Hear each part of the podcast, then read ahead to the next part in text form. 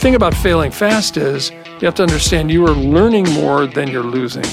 It may have cost you a bunch of money in advertising and all this other stuff, but if you would have kept on with that program, if you hadn't like cut it off, like how difficult is this? They understand all that now. Hello, everybody. Welcome back to Deloitte Cast with a new episode with Guru and Andreas. Yes. Hi, Welcome, Andreas. But uh, Hello. hello. But you are actually just in this intro I am the well, yeah, yeah, yeah. That's that's true. But uh, because I'm actually alone in this uh, in this podcast for the first time. Yeah. You will hear later on. But we are actually picking I, up. I thought you did a very good job. Oh, thank just to be Yeah. very clear. Um, We're picking up on a topic we had actually not that long ago, but the uh, an opportunity uh, suddenly came up that we uh, were able to interview one of the keynote speakers at this year's Handelskonferansen, uh, which Virke is arranging or Yes. arranged. and that's why we have this intro in uh, English because um, uh, this this uh, this guy is one of the biggest thought leaders in retail uh, in the world. Yes, so we he actually is. yeah. So He was awarded the best uh, the best speaker at this huge uh, conference called uh, NRF, uh, the, the biggest retail conference in the world, I think. Uh, so, Mm-hmm. So that's- yeah. so yeah, so we wanted to uh, get, get a word with him. So uh, um, in this episode, you you talk a lot about the shopping mall. That's kind of the the key, the header, Mm. and you talk about the the changing uh, expectations from from customers, uh, and that uh, the customers want uh, an experience. The the Mm. physical stores need to provide some sort of experience. You talk even about farmers market, which I thought was a bit funny. Yeah. Uh, So we- we talking, uh, it is it is a good example of how something that seems like a market or a, like the, the the purchasing part of it is just one part of it Mm. but the experience it, it has to to provide some sort of experience and and that's how the shopping malls kind of is is changing a bit Yeah, and the reason why we talk about shopping malls is because we just did an, a big survey in Norway, Mm. and it's kind of it. it uh, we did a collaboration with uh, Lee Peterson from uh, from WD Partners in the US on. Um, we did a collaboration so that you can see the similarities and differences between the US and Norway on on shopping malls Right. and the trends we see in that market, which is really interesting. I think that we will, it will hear in this episode. yeah so i think without further ado um Yeah. we can just jump straight into it Yes, um hope you like it. Yeah, And- and continue to bring new uh, questions and suggestions to uh, podcast at deloitte.no. Yes. Uh, and see you uh, in the next episode. Uh, and Yes. now it's all you, Guido.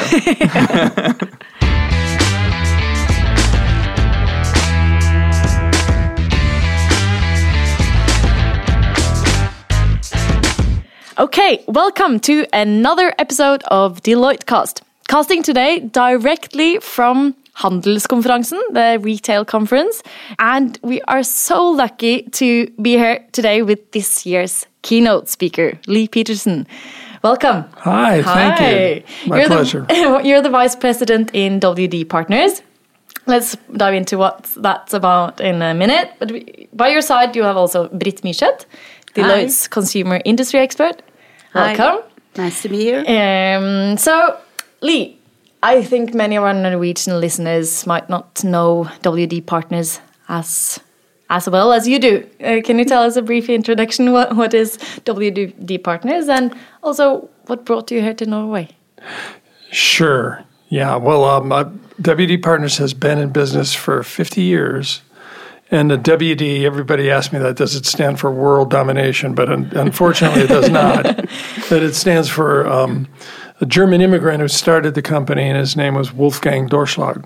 Okay. And uh, right now, his son is the owner of the company. But Wolfgang's image was to mix architecture and engineering into a company. But his son, Chris, his vision has always been to have to be involved in the C suite of, of retailers predominantly.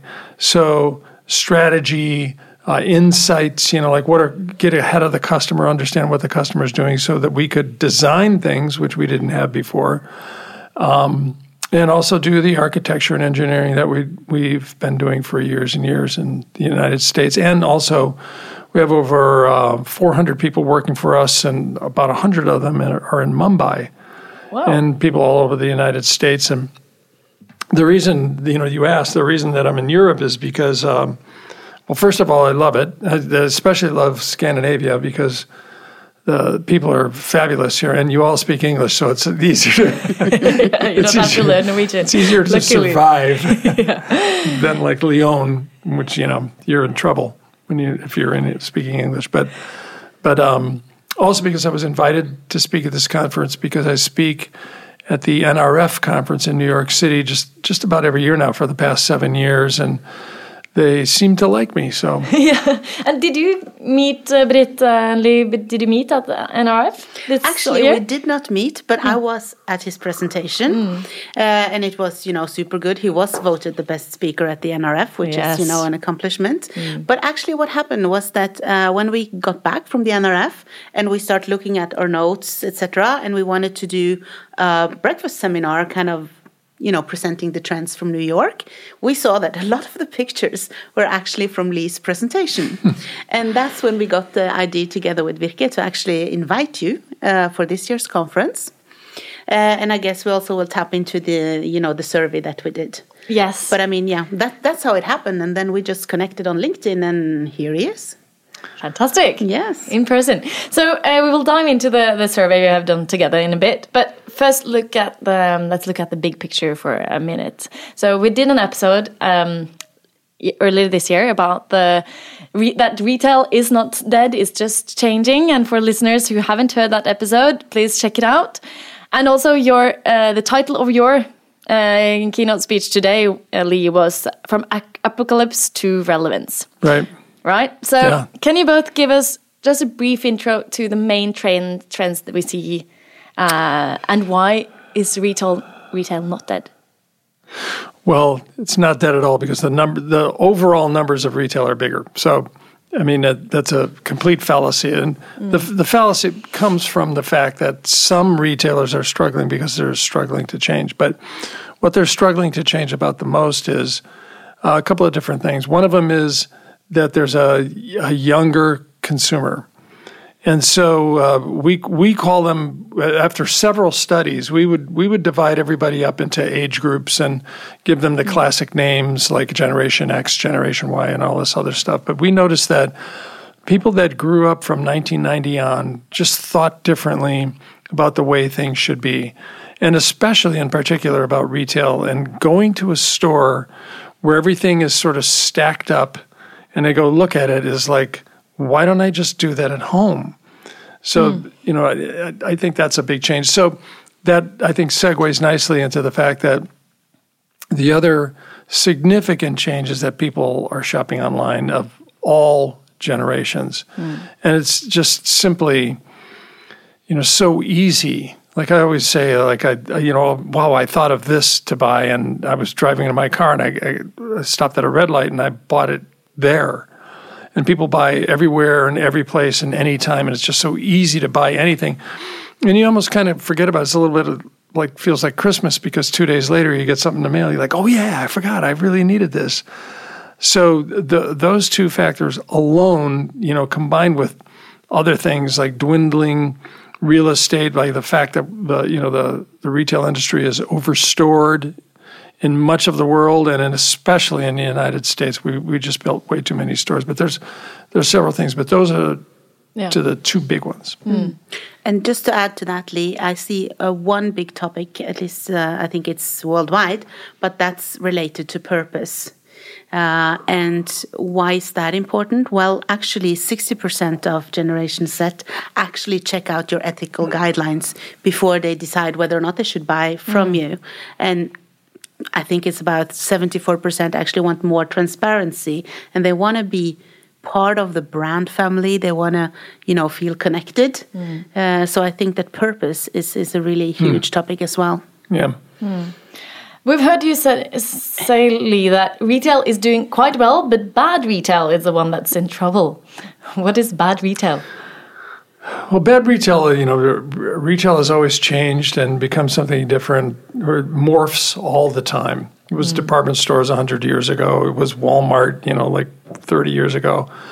But I think that retailers that have been unable to to change, and I mm. was just talking to somebody, a journalist really, who was talking, was representing some retailers that were unable to change.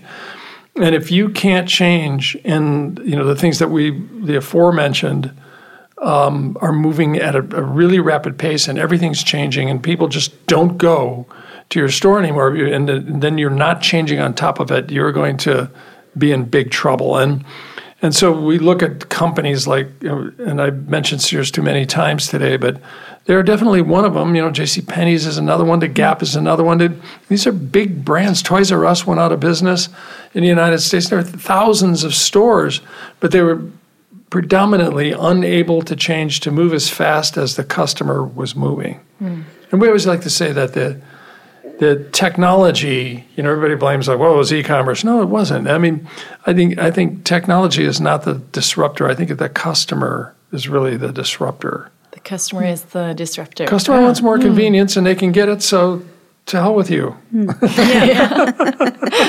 but what we also see here uh, in Norway is that growth uh, within retail predominantly come from you know opening new stores and that Correct. can only come you know go ah, as long as you know yeah. it has so yeah. when we see that uh, the stores that are closing for example it's the ones that haven't done the change exactly as you're saying lee uh, and just you know thought that opening new stores every year in new places uh, would do the trick but yeah.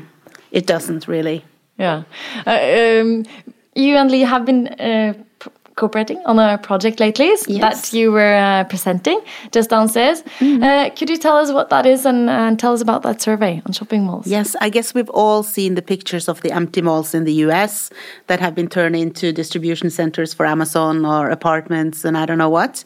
Uh, and we were curious is do we see the same picture here in Norway? Mm. Uh, and when we looked at the, the numbers, actually, uh, we didn't see it so clearly. When we looked at the numbers, we saw actually uh, growth mm. but there were some warning signs. Uh, and then back to actually your presentation at the NRF, because then you presented the survey that uh, WD Partners had done, asking the consumers what you want to find in a shopping mall, what kind of new products and services, what could help you come even more often. So uh, we did the same survey here in Norway mm. before the summer, asking consumers all over Norway what what they wanted to find in the shopping mall and and uh, what kind of services they wanted. Mm. And uh, as we saw downstairs at uh, at Handelskonferansen when you presented, there are some similarities, but there are also some differences, which are interesting. Yes. Uh, so. On the top mark, uh, top uh, level there, as, at least for digital natives, was farmers market and food hall and green space quite similar, right, in both Norway and the US? Yeah, I think there were they were both. I think I think Green Space was number five in Norway yeah. and number three in the U.S. But what struck me about both though was that food was way up there. Mm. You know, and and the, the percentages. It's interesting because the percentages in the United States are they're much more enthusiastic about getting anything new in the mall Why? than in Norway. Yeah. So, yeah. uh, uh farmers market. Why? why do you think uh, that is so uh, high on the list? For, uh, I think we countries? just, you know, a farmers market is just not about you know the food. Mm. It's about you know having an experience, tasting, learning something new, and that's really what you want to do uh, when you go to to the mall mm. to have a new experience, touch and so, feel, and yes, yeah. and get inspired. Something you cannot get online. Well, I think right? too it goes back to what you were talking about before. So the real deal it's real food. It came out of the garden. Mm-hmm. It's pure, you know, like you were talking about. It, it's really the right kind of food to buy. It's not, you know, in the center of a grocery store with a bunch of grains in it or anything like that. And so generally for younger people you think it would be higher, but it was high for all yep. demographics, mm. which I did I don't know. We've done some of these studies before, and there's always some kind of surprise. And farmers market was a surprise to me. Yeah. And we dove down a little bit in the United States, and we did it. And we talked about it in the presentation, but the number of farmers markets in the United States went from like 3,100 to 9,000 in a five-year mm-hmm. period. So it's people not only going to them; it's people that want to be involved in it mm-hmm. to bring their stuff so they're growing their own things. Hmm. I mean, it, it, it's a broader trend, right? I hmm. mean, and Deloitte certainly knows about this, but it's a broader trend that there people are moving to things like that that are better for you, yeah. and, Yeah. and more organic, and Yeah. You and know connected to what you said with purpose as well, right, Britt? That, Absolutely. you actually know where it's come from and it's and you want to know what kind of that farm farmer stands for really kind of track it back to the cow or the milk or whatever Yeah. but we see it also it's huge also uh, here in norway especially in the bigger cities but it's not at the mall it's actually in the streets in the store they close Sure. down the streets and Yeah. they do it so yeah. Yeah. but one clear message was that they also want it in the malls yeah, it is. but I saw another, you know, uh, part of the result which we should really pay attention to, Mm. and that was that the Americans likes to go to the the fitness center, the gym, but apparently we don't. And can we live with that, quite Giro? low. Yeah. No, that's what's very strange. But I saw that was indoor sports was That quite indoor, high. yeah. What, what is the difference then between indoor sports is like Yeah, you would Yeah. go to the gym or do Yeah, indoor sports. We like, we do yeah. more outdoor sports, but we consider That- that ourselves could be being a- quite, you know, sporty people. I, I go to the gym at the shopping mall because it's very practical. But I guess I'm um, more American than. yeah, I don't. I thought, I thought that was surprising. Yeah. I thought I thought Norway would would actually be higher. yeah. on that. But especially because you have severe winters, Mm. so you can't go outside and exercise in the severe winters. But then We do, though. You know, when I come here, and, and actually most places in Europe, um, generally I see people that are fitter than I do in the United States. So I think it's a, and you know, there's a huge industry in the United States. That, you know, we've got to get fit, and we've got to get fit now. So everybody thinks they they have to be fit, and I think that that played into it. Like, yeah, fitness center.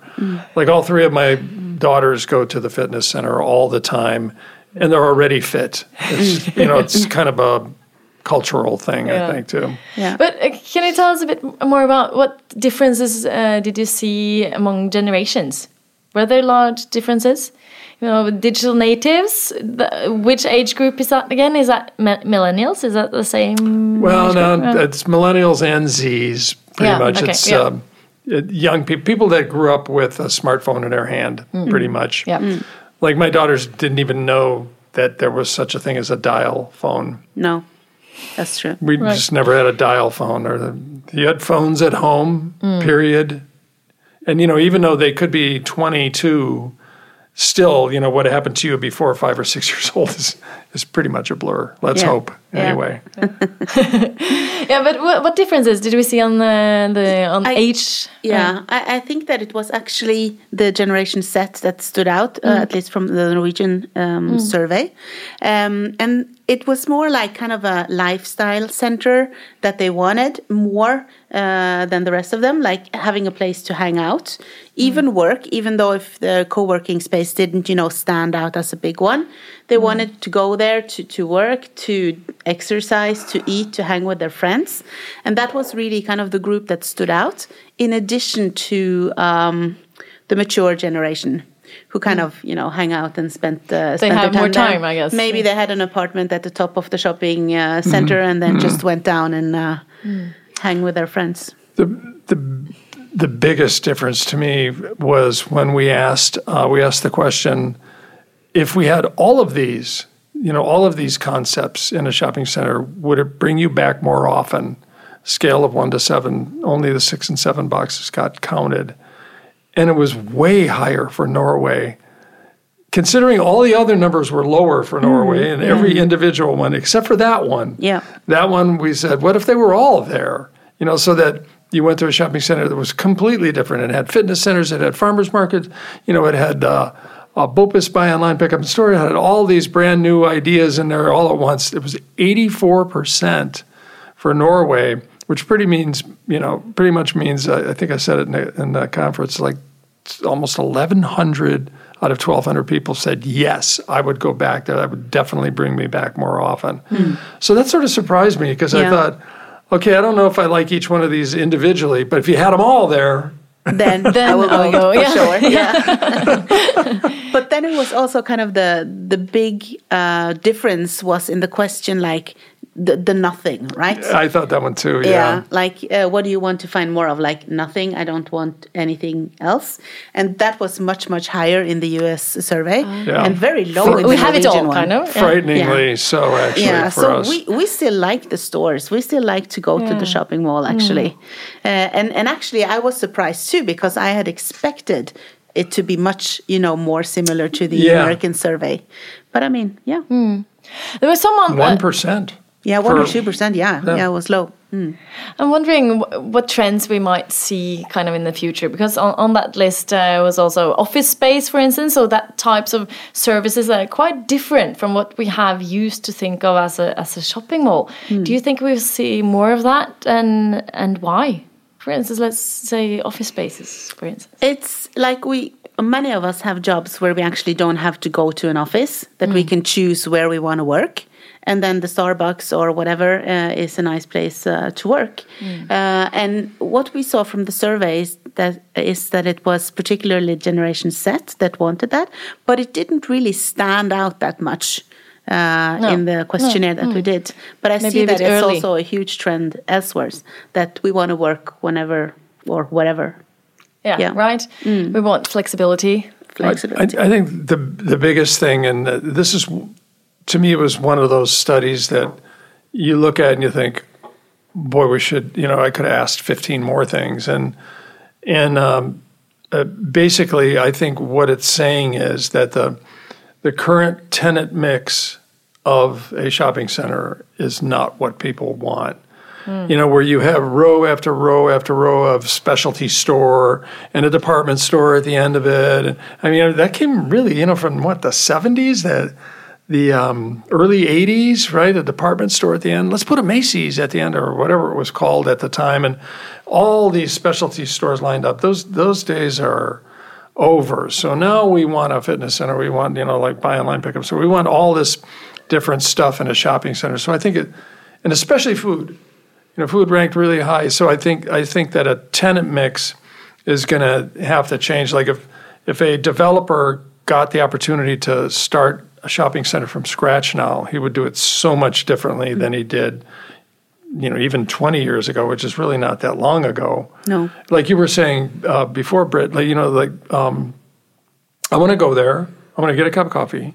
I'm going to go to this, or maybe I'll have wine and a dinner and stuff like that. by the way, then I'll go past this one store. I'll see if they have that one thing I want. If, if not, I don't care. Maybe I could go to a movie, or I could do this other thing there. You know, I, there's so many things that I could do there because it's a a center for interesting things to do that I can't necessarily do at home. No, so true. And we see the same actually in Norway that uh, the tenant mix is different. And before you maybe did a 10 year deal with a big chain, right? And then you were kind of safe if you were running the, the shopping mall. And we don't see that anymore. Do You need to find something new at the mall almost every time you go. If it's a pop up store, uh, if it's a concert, if it's some kind of happening Concert, that will yeah. actually get, uh, get you there.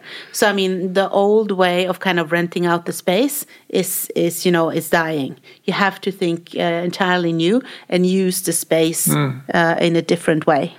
There was there was a number um, in, that came out in the Wall Street Journal, and for a long time, uh, developers would would make deals with um, I don't know somebody like the Limited, and they would sign thirty year deals, but they they said the only way you can get the thirty year deals is we'll give you the center court spot, you know, for fifty stores and fifty malls that we're going to open, and so the the the end of that happened um, in 2018. So all the- they, the, the Wall Street Journal called it the harmonic convergence of lease debt expiration. So Can that's explain that? Yeah. $78 billion worth of lease debt ended. And so now I'm the gap. And I had 400 stores that ended last year. It's like, pfft, I'm not signing that thing again. or, you know, if I am, I'm signing it for a smaller space for less rent. And I want to make sure that you're putting like a food place next to mine because everybody goes to the food place. Oh, I want to be in the center court next, close, wherever the Starbucks mm. is. You know, I want to be by them. So you think about that, like that ended, and now we're starting to see that in the United States with 7,000, you know, to 10,000 stores closed this year. That lease debt expiration the harmonic convergence of it is uh, it's happening. It's going down. All those 30 year leases are coming to an end right now. Yeah. 1900s Yeah, or that's- 1990s. I'm sorry, Yeah. 1900s. So I guess But all- if, yeah. if you look at then, I mean, what what do the what do we want there? I mean, if you look at the uh, store of the future, what does it look like? I mean, for many many years we've been discussing: is it dead? Is it not dead? Okay, now everyone agrees it's not dead, but what will it look like? Uh, and uh, on stage earlier today, I said that it would be fifty percent distribution center, fifty percent uh, social happening uh, arena. Uh, and I think that's true. But I know that you also are, you know, rooting for the the showroom store. Yeah. Tell me more about that. Well, the it, it's a no brainer. Yeah. I think. Well, um, if I could, so normally I have a thirty thousand square foot store like uh, Old Navy, Best Buy. You know, go through the list. There's there's a lot of those in the United States that are twenty thousand square feet, thirty thousand. All the CVS grocery stores are 20, 20 some thousand feet. But if I could have a store that was only eighteen hundred square feet, I only had six people working there instead of 25 people working there. I had one piece of inventory for everything I had instead of like, you know, giant stock rooms full of inventory. And any retailer would go, yeah. And, and by the way, my, my um, volume would be the same. So any retailer would, would bite into that because, but the adjustment and the thing that needs to happen, and which is you know the hard part really is that the consumer has to get used to that, to walking into a store and saying, well, here's something I really like. I'm going to scan it, press a button, and it goes to my house or it goes out in the back for buy online, pick up in store. The bag gets put into my back of my car, or the it, I just go home and it gets shipped to my house. So it's a combination of uh, technology and buy online, pick up in store, and you know all those other things. But at the same time, the the um, financials for any physical retailer just too good to pass up. It's it's been. Um, it reminds me of buy online, pickup in store, which we tested six years ago, and we kept going to retailers, going, "You got to do it." Everybody's saying that. just six years ago, right? Six Yeah? years ago, Okay, and, now um, everyone has it. yeah, we went to. I, I was just telling Britt today. We went to a CEO of a company, and I said, "Let me show you. Like we tested this thing." And he goes, "I know, I know." And I go, "What do you mean, you know?" He goes, "Well, I know they want us to come out and put it in the back of the car." And I'm like, "Well, if you know that." And six years later, now they're starting to do it and brag about it. Yeah. We're Yeah. putting it in the back of your car. I'm like, you knew that about that six years ago, you know. Do you sh- think showroom is that is that something for all types of stores? yeah. Will you see it? Yeah. Yeah. Mm. Any? Think of jewelry. Yeah. Right. Mm. What, what do you need like a 3,000 square foot jewelry store for? You know, or, or Yeah. I, I, I thought there's some categories though that were, um, they're way better for, like toys. I just need one toy sitting here, and my child comes in and he plays with it. He goes, I love this toy. It's an airplane. I love it. It's like, okay, I scan it. And that toy could be just demoed all day long. And those toys get shipped either out of the back room or from a DC to that, that person's house. The child doesn't need to see the toy box. He just needs to get it as soon as he can, or he gets it as a gift. Hmm, you know, he Yeah. could have it come later. The other thing for me is consumer electronics. They're already set up that way. Like if you if you hmm. go to a consumer electronics store that has a table about this size, and on you know every foot or two is like a camera or you know an iPhone or something like that. Hmm. Actually, if you think about it, like uh, Apple stores are showroom stores. Hmm. There's a computer sitting there, and then or there's a table sitting there with four of the same computer on it. And so you say, I'll take this one. You know, Yeah. this is a MacBook Air. It's like, okay, you're not going to take the one off of the table because 100 people mess hmm, with it. So they're there to ask questions, to touch it, to to have a feel for it, mm-hmm. but also to get help, right? From Yes, Yeah. that's true. that's a Exact- part of exactly. a showroom. Yeah. Because that actually, I mean, it puts bigger demand on the people actually working in the store because as a consumer, you come actually more informed. yeah, Uh, right. but the whole- you have checked it out uh, beforehand. yeah. Yes, and and you have to do much more than just you know helping the customer pick it off the shelf because not that's not why you go to the store anymore.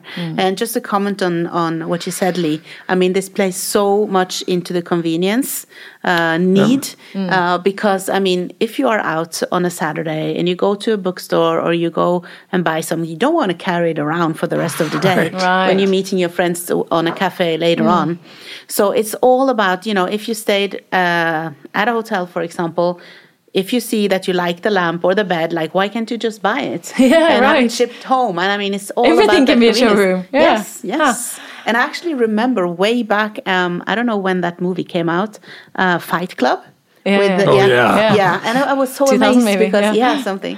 Uh, I was just amazed because I mean, at some point they showed the product number and the prices of all the IKEA furniture that his Yes, room was, yeah. you know, Oh, equipped with. And I was like, oh my god, you can actually do that and you can buy it. And yeah, it's many many years ago.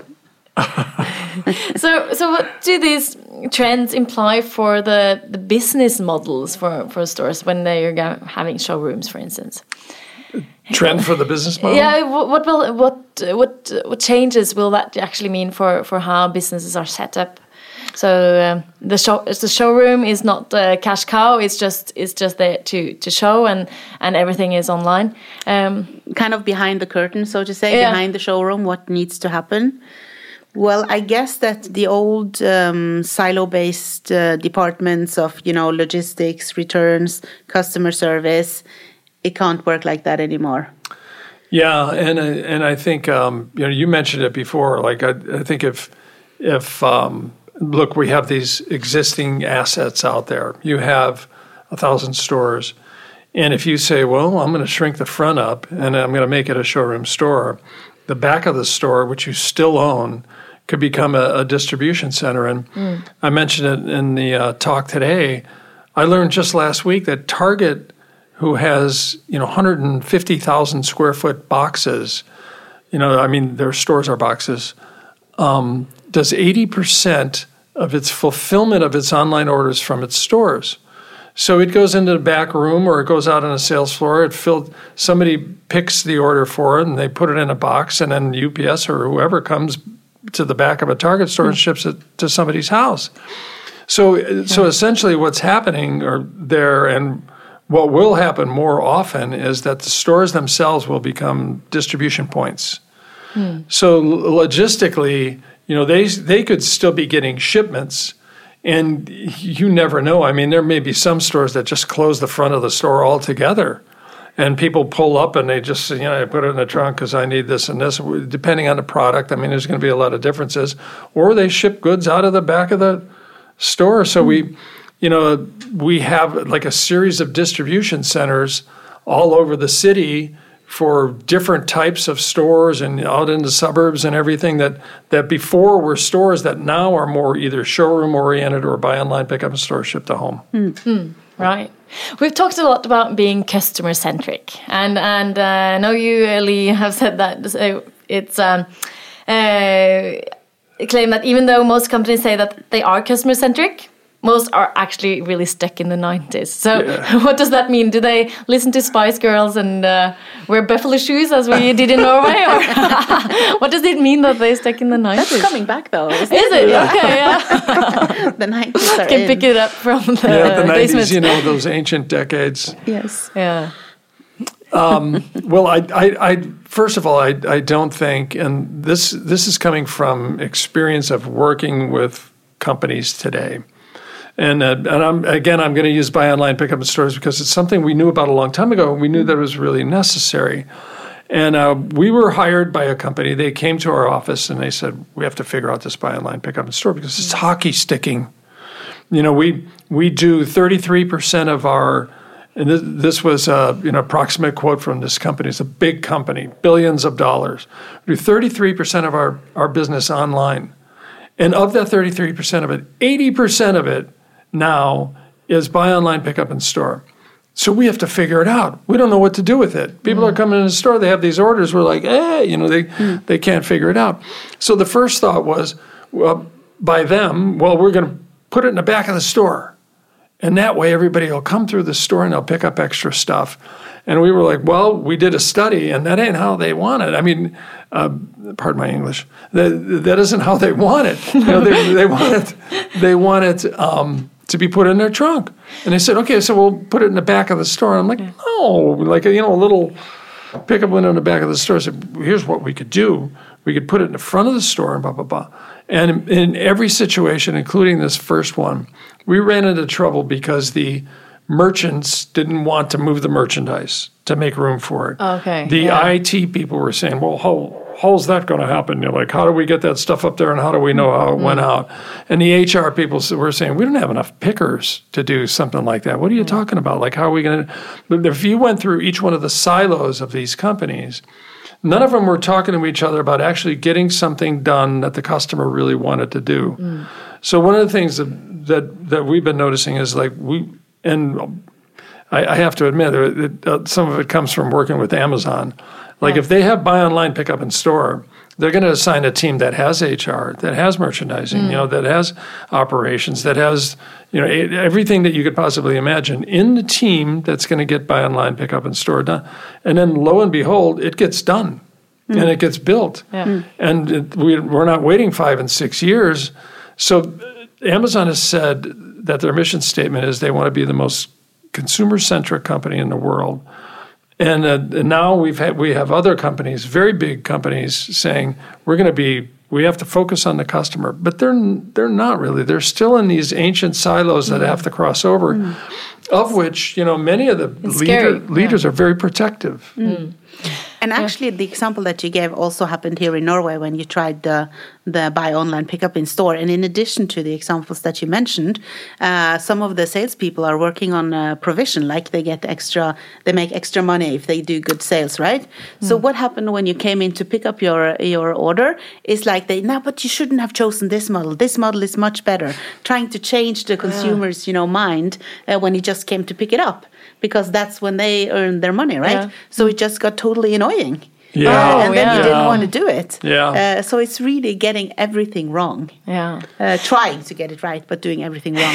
same well, same happened uh, in the United States because um, I think it was Walmart said we're, we're going to put the buy online pickup centers in the back of the store, and uh, so they did it, and then consumers were like, you know, I, I don't want to park my car in the parking lot, drive there, and everything, go all the way back there.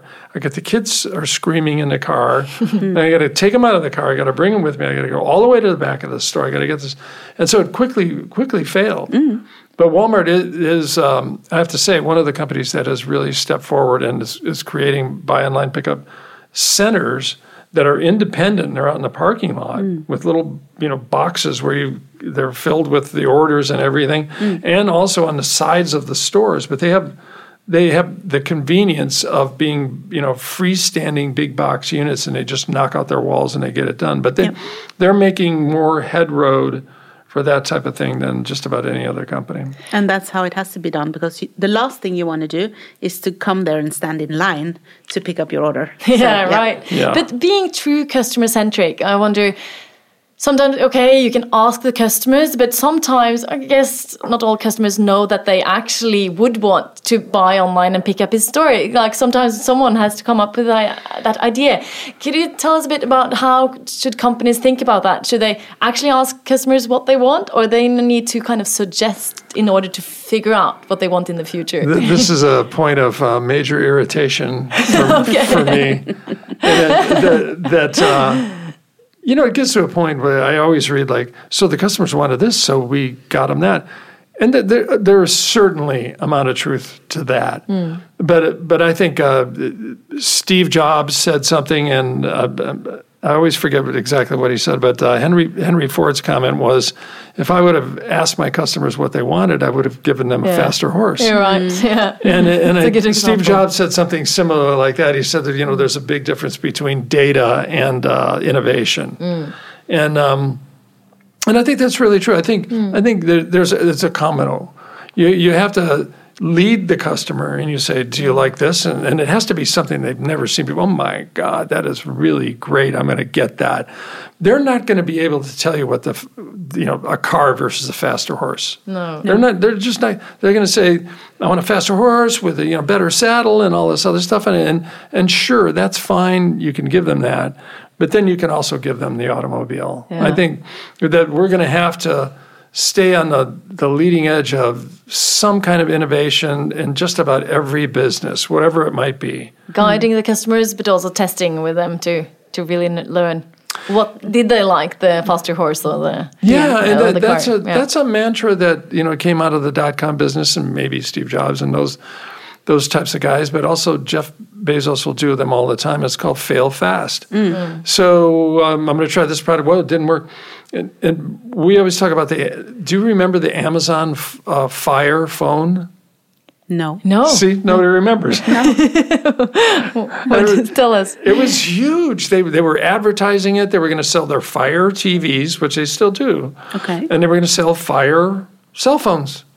And after about three or four, and they were advertising on TV, you know, you can get it now, and you can get all the Amazon products right here on your own phone, and it didn't work. No. After three months, they stopped selling phones, hmm. and I always think like, well, that's fail fast. You know, it's a perfect example. Hmm. But the thing about failing fast is you have to understand you are learning more than you're losing. Hmm. It may have cost you a bunch of money in advertising and all this other stuff, but if you would have kept on with that program, if you hadn't like cut it off, the other thing is they learned what the hard parts of, of buying a cell phone are, what the hard mm. parts of mm. manufacturing, what the hard parts of lo- logistics, what it really takes to keep the apps going. Like, how difficult is this? They understand all that mm, now. and embrace that learning experience, Yes. even though the, that product was a failure. I guess Exactly. vanilla Coke is maybe also an example from Yeah, Norway. yeah. At Yeah. it failed here. It failed big time, yes. So just But get it's- it out. And it's also, it. you know, knowing when to stop and actually admitting. So Yeah. it was a failure. Okay, we're Yeah. stopping. It's it's sometimes difficult. But uh, I just wanted to comment on on kind of the consumer. Uh, saying what they want because we have done several projects, especially within food, uh, where we ask about, for example, sustainability, ecological food, etc. Everyone wants to eat ecological and sustainable, right? And then when you do the interviews, what you realize is that you're just talking to the Instagram version of that consumer, Ah, right? yeah, right. Because when you follow them to the store, they choose in seconds, you know, the brand that they've always chosen, uh, the cheapest one. Mm. Uh, so, so I mean, you really have to combine that consumer insight with more than just doing the Yeah. interviews. Oh, that's It's so, amazing. that's so what they want to be and what who they Yeah. actually are. Who they kind of. actually are, yeah. What's the classic? What they say and what they do. Yeah, Yeah. yeah. The so. Instagram version, yeah. Yeah. So, so that's a key point to take uh, take out here. That um, we need Yeah. to get to know our customers, and not the Instagram version, but the the, the true the true them, yeah. The, that actually didn't like the the Don't get to know Amazon the Instagram phone or the. no. Great to have you both here, uh, Britt and Lee. We've uh, learned a lot. We talked about that the customer is actually the disruptor. It's not uh, not the technology. Learned a lot about the differences and similarities between the shopping malls of the future in Norway and the US. And Yeah. uh, could have gone on for for hours. Uh, lovely to have you here, and um I'll uh, maybe see you another time at uh, in the US. Hopefully, Lee, or welcome back to Norway. If not. Sure, come Yeah. to come to NRF. I'm yes. We're gonna Okay. do we're gonna do a few things at, at NRF. I think they're gonna be a little Cool. unusual. Yeah, are you going, Britt? I go every year. You go every year. Okay, so you two will see each other again. Hopefully, Okay. yes. Thank you so much for uh, for being here. Thank sure, you. thank you. Thank you. My pleasure.